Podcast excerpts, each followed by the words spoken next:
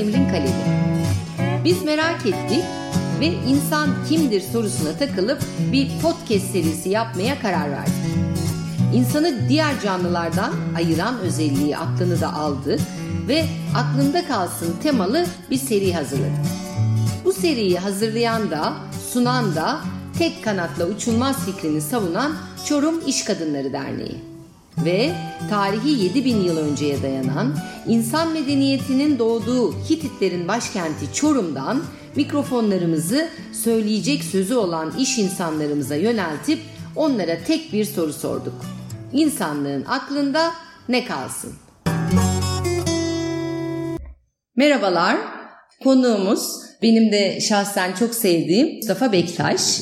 Mustafa ile biz Odalar Borsalar Birliği Kadın Girişimciler Kurulu Başkanıydım ben. Mustafa da Genç Girişimciler Kurulu Başkanıydı ve birlikte çok güzel projelere imza attık. Mustafa 1981 Çorum doğumlu. Hacettepe Üniversitesi'nde İktisadi İdari Bilimler'de maliye okudu. İstanbul Ticaret Üniversitesi'nde dış ticaret yüksek lisansı yaptı. İyi derecede İngilizce, orta seviyede Rusça biliyor ve Almanca öğreniyor. Evli, iki çocuk babası. Mustafa'nın hobileri çok güzel. Kayak yapıyor, dalış yapıyor. Mesela motosikletli bir Avrupa turu macerası var. Yamaç paraşütü yapıyor. Yani Mustafa dolu dolu hem başarılı bir iş insanı olmasının yanı sıra hayatı da yaşamayı gerçekten kendine ilke edinmiş. Merhaba Mustafa, hoş geldin. Merhabalar, herkese merhaba. Merhaba. Çok teşekkür ederim davet ettiğin için. Ben teşekkür ediyorum bugün burada bizimle olduğun için. Çok teşekkür Biz iki tane soru soruyoruz Mustafa'cığım podcastlerimizde. Evet. Şimdi ben sana şunu soracağım. Biz iş hayatının içinde zaten bütün günümüzün çoğunluğunu işte ekonomi, para, ödemeler, mal satmalar, almalar, üretmeler üzerine kurgulayarak bir hayat sürüyoruz. Ee, ama bunun yanı sıra bir de böyle bir insan tarafımız var ki o insan tarafımızla işte kitap okuyoruz, e, kendimize zaman ayırıyoruz, müzik dinliyoruz ve senin çok güzel hobilerin var hayatına kattığın hatta profesyonelleştiğin. İnsanlığın aklında ne kalsın? Açıkçası insanlığın hakkında ne kalsın sorusu zor bir soru. Yani Aynen. üzerine düşünmesi gereken bir soru. Ama bana göre insanlığın aklına ne kalsın derken biz sonuçta Y kuşağı çocuklarıyız ve kapitalist bir ekonomi modelinde büyüdük. Öyle yetiştik. Ve bize şu öğretildi. Her zaman başarılı olmak zorundayız. Her zaman bir adım önde olmak zorundayız. Bu öğretildi. Ve bu sanki biraz da başarı bir dayatma gibi oldu bizim Evet. jenerasyonumuza. Evet. Ve her şeyin büyük, en büyüğüne sahip olmak, her şeyin en çoğuna sahip olmak sanki gerçek mutlulukmuş gibi Hı hı. bize söylendiği gibi Evet. geliyor bana. Biz biraz da aslında insan olarak da olabiliriz. Yani biraz daha minimal yaşam, biraz daha az da yetinme bizi yani gelecek insanlığa bunu söyleyebilirim. Değil mi? Aynen, Sadeleşmiş. aynen. Daha sadeleşmekte mutlu olabiliriz. Ben severek dinlediğim Beatles'ın John Lennon'un bir lafı vardır. Hayat siz planlar yaparken başınızdan geçendir Şeyler. der. Evet. Hakikaten de bazen de çok hani ne derler biraz kasmadan yaşamak Değil mi? o önemli. Bir de Simyacı diye bir kitap vardı bilmiyorum siz de Evet. okudunuz mu? Evet, Onda bir evet. hikaye geçer. Çocuk mutluluğu araştırırken bir sultana sorar. Sultanım e, nedir tabii bir sürü hikaye geçiyor kitapta da. Sultanım ne- nedir hayatın anlamı, hayatın mutluluğu şeklinde. Ve sultan ona şunu söyler. Eline bir kaşık verir, üstüne yağ koyar ve kendisini sarayını gezmesini söyler. Çocuk tabii gezerken etkilenir saraydan. Dünyanın en güzel yemekleri olan mutfağı, en güzel bitkilerin olduğu botanik bahçesi, dünyanın en güzel kadınların olduğu sultanın Evet. haremi falan derken akşam gelir sultana der efendim der "e, herhalde cennet burası yani her türlü güzellikler burada var. Sultan da o zaman der şu elindeki kaşığa bir bak çocuk bir bakar elindeki kaşıktaki yağ dökülmüş. Ve Sultan e, benim de çok sevdiğim bu cümleleri söyler. Ona e, der ki bak işte hayat bütün bu güzellikleri görmek ve elindeki bir kaşık yağda dökmemekten ibarettir der. Çok Biraz güzel. gerçekten yani yaşam tarzımızı tabii disipline her şeyi görmek ve yaşam tarzımızı da disipline etmemiz gerektiğini inanıyorum ben. Evet. Ee, Yani dağınık bir yaşam insanı zaten mutluluğa götüren bir süreç değil. Kesinlikle. daha çok huzursuz eden, hep işte yapacak bir şeylerinin olma duygusu hı hı. ve ertelemeyle ilgili yaşadıklarımızda e, bizi zaten mutsuzluğa sürüklüyor. Bence de yani sorumluluk duygusuyla ama hayatı da tadını da anlayarak onu fark ederek kurgulanacak hmm. bir yaşam ki bunun için çok zengin olman gerekmiyor. Kesinlikle. Çok paran olması gerekmiyor. Şairin de dediği gibi hava bedava, su bedava. Yani gökyüzü bedava. Ve bu, bunların farkına vardığımızda zaten herhalde bakış açılarımız da değişiyor. Kesinlikle değil mi? aslında Mustafa? bu yeni bir şey değil. Bizim kültürümüzde de zaten bu öğreti var. Mesela Mesnevi'de, Mev, e, Mevlana'da, Mesnevi'de şu vardır. Dikkat ederseniz tek ayak sürekli sabittir. Diğer kol açıktır sürekli dönerken ve o semada değil mi? Aynen. Evet. Semazende o tek ayaktaki en ufak bir oynama semazenin bütün dengesini dağıtır evet. ve işte buradaki anlatılmak istenen de bu şudur ki bize o ayak aslında bizim işimiz, evimiz, ailemizdir veya dostlarımızdır. Diğer elde öyle bir açın diyor ki yani diğer elinde açın bütün dünyayı kucaklayacak şekilde her şeyi öğrenin. Yani tek ayağınız gerçekten sa- sabit olsun ama diğer elinizde bütün dünyayı öğrenin, her şeyi öğrenin gibi bir onun şeyi vardır. Ee, öğretisi vardır. O da benim çok dikkatimi çekmişti zaman evet. onu öğrendiğimde. E, dün bir yazı okudum. Ben de onu paylaşmak istedim şimdi. Zamanla ilgili bir yazı. Şimdi okuyunca da gerçekten şaşırdım. Şimdi zamanla ilgili bir uzman şöyle bir şey yazmış. Diyor ki sen eğer diyor zamanın çok hızlı geçtiğini düşünüyorsan monoton bir yaşantın vardır diyor. Şimdi çok ilginç geldi bana. Çünkü ben zannediyorum ki zaman çok hızlı geçiyorsa çok dolu dolu yaşıyor insan. Hayatında yapacak çok fazla şey yoksa zaman e, zor geçer, zor ilerler. Çok şaşırdım. Zamanın çok hızlı geçtiğini zannediyorsan yani senin beynin için zaman çok hızlı geçiyorsa senin monoton bir hayatın var. Buna da şöyle bir örnek vermiş. Her gün aynı yoldan işine gidiyorsan o yol sana bir anda geçer gider.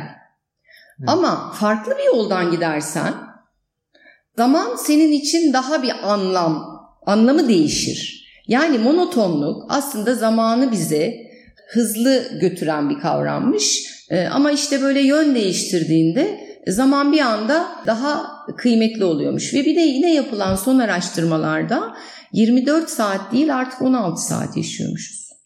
Evet. Böyle bir istatistik var. Yani 24 saat artık 16 saate düşmüş o kadar monoton yaşayan bir dünyaya dönüşmüşüz ki 24 saatin anlamı artık 16 saat. Şimdi bu da çok ilginç geldi Kesinlikle. bana. Buradan şuna geleceğim. Şunu sormak istiyorum. Sen aynı zamanda çok başarılı bir iş insanısın. Gerçekten ben şahsen gurur duyuyorum başarılarınla. Zamanı nasıl değerlendiriyorsun? Yani Mustafa e, kaçta kalkar, güne nasıl başlar? Ya Mustafa bu başarıyı neyi yöneterek, neyi iyi yöneterek yakaladı? Bir de bunu konuşalım. Hani şeyde derler ya çocukluğuna inmek lazım diye. ben şöyle yetiştim daha doğrusu. Benim babam da tüccardı ve bütün e, ilkokulda olsun, ortaokulda olsun okullar tatil olunca bütün arkadaşlar sevinirdi. Okullar tatil oldu. Ben üzülürdüm ya işte babam yanına çalışmaya gitmek zorundayım. Sabah erken kalkmak zorundayım. Evet bir Anadolu ama kültürü da, aynen, sanki. O da bana ama şunu verdi. Yani fark etmemiştim o zamanlar da. Bana şunu verdi. E, hayatımı disipline etmeyi öğretti. Kesinlikle sabah erken kalkmayı öğretti ve bu gerçekten çok önemli bir şey insan hayatı evet. için ve yetişkin dilini öğretti. Yani ben daha çocukken 5-6 yaşındayken veya 8 yaşındayken işte dükkanda çalışmam, dükkanı süpürmem, telefonları cevaplamam, oraya gelenlerle konuşmam, benden yaş yaş büyük insanlarla konuşmam yetişkin dilini öğretti. Ve insanlarla iletişim, hangi insanla nasıl iletişim kurmam gerektiğini öğrettiğine inanıyorum. Ve buradan bir birikimim oldu. Tabii bunun üstüne de eğitimi koyduktan sonra bu bir anlam ifade ediyor. Yoksa e, sadece e, pratik ve bir yere kadar gelebiliyorsunuz. Sonrası gitmiyor. Evet. Teorinin olması lazım. Ama tabii iş hayatında... Güne erken başlıyorsun. Güne bir erken bunu cebe koyalım. ve bütün yani gün boyu sürekli düşünüyorum. Yani bir bizim işimizde nasıl derler yani bir ücretli çalışan evet. gibi veya mesai kavramı olmadığı için evet. sürekli işte yani uyanık olduğun her saat aklında iş olması gerekiyor. Eğer öyle olmadığı takdirde yani tüccar kontrol. olamıyorsun. Evet kontrol. Aynen. Ve benim yaptığım iş sabit bir iş olmadığı için sürekli değişen fiyatlar, değişen piyasa şartları var ve buna sürekli ayak uydurmam gerekiyor. Evet. Yani ben benim bir haftalık ticaretten kopmam çok büyük şeyler ifade ediyor. O yüzden sürekli zinde olmak zinde zorundasın. Olmak evet, aynen. Belki zihnin de berrak olmak kesinlikle, zorunda. Kesinlikle. Kolay odaklanman gereken e, bir iş yapıyorsun. Aynen. Bu yüzden de spor işte yaptığım sporlarda daha çok evet. bireysel sporlar. Yani kendimle baş başa kalacağım evet, sporlar şimdi oluyor. Zaten buna geleceğim. Zamandan geleceğim yine sen monoton yaşamıyorsun bir kere Mustafa. Yaşamamaya çalışıyorum. Evet yani yok yaşamıyorsun. Mütevazi olma. Monoton yaşamıyorsun. Her gün her an aynı şeyleri yapan bir insan değilsin. Biraz bu aslında profesyonelleşmiş de olan hobilerinden bahsedelim mi? Yani hangisini konuşalım istersin bilmiyorum ama hani kayak, dalış, motosiklet, yamaç paraşütü. Yani bu dikkat ederseniz hepsi biraz biraz daha bireysel sporlar. Hani biraz evet. da yaşımız geçtiği için daha takım sporlarına adapte olamıyorum. Çünkü 20 yaşındaki 25 yaşındaki çocuklar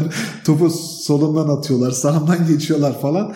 Biz de yani daha çok bireysel sporlara yöneldim ve bu, bunda da şunu keşfettim. Yani bireysel sporlarda ticaret tüccar olduğum için ve ticaret hayatında olduğum için bireysel sporlar yaptığım zaman daha çok kendimi zinde hissediyorum. Daha çok kendimle baş başa kalıyorum. Çünkü gün boyu sürekli bir birileriyle konuşmak zorundasınız. Evet. Piyasayı takip etmek zorundasınız.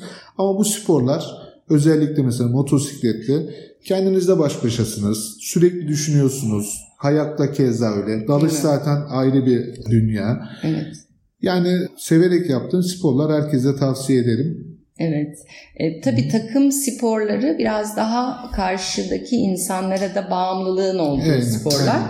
Tabii onun için de bireysel sporları seçmiş olman e, gayet hoş, güzel. Şimdi ikinci soruma geçeceğim. Mustafa, insanlığın aklında hangi eser kalsın? Tabii ki klasik klasikler dediğimiz kitaplar olsun. Evet. Yani bir sürü önerebileceğim kitaplar Tabii. var şey e, müzikler keza öyle. Ama benim en son okuduğum bir kitap çok hoşuma gitti. Ben onu öne, önerebilirim. Ee, evet. İsmi Cesur Yeni Dünya, Brave New World. Evet. Bu kitapta şu geçiyor. Gelecek toplumunu anlatmışlar bize. Gelecekte bir toplumun nasıl olduğunu. Ben ilk bu kitabı okuduğumda yani bir sene falan önceydi herhalde. Bu pandemi süreci daha başlamamıştı.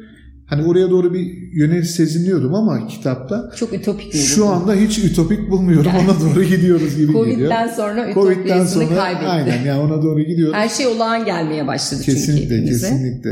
Yani bu kitapta geçen e, şöyle insanlığın gidişatını sanki bir e, ütopya şeklinde yapmışlar. 1984 romanındaki o kötümserlik, karamsarlık, o distopya dediğimiz bu ütopyaya dönmüş durumda burada. Burada insanlar seve seve sistemin içinde olmaya çalışıyor. İnsanları gruplara ayrılmışlar. İşte alfa, beta, gamma, delta, epsilon şeklinde. Evet. Sanki benim gördüğüm kadarıyla bizim bu içinde bulunduğumuz kapitalist sistem de buraya doğru evriliyor gibi geliyor. İnsanlar bireyselleşiyor ve, ve bunu severek yapıyorlar.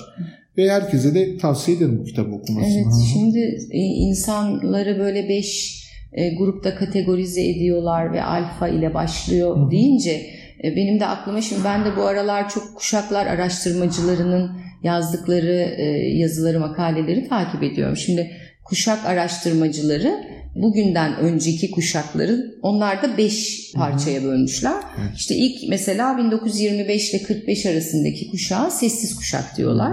O, o sessiz bir kuşak ama 45'te bitiyor. İkinci Dünya Savaşı ile bitiyor. Çünkü o arada çok savaşlar olduğu için dünyada e, demek ki bu kuşağı sessiz kuşak demelerinin sebebi e, insanların e, aslında işte savaşlarla ilgili yaşadıkları o psikolojiyle bastırılmış olmaları.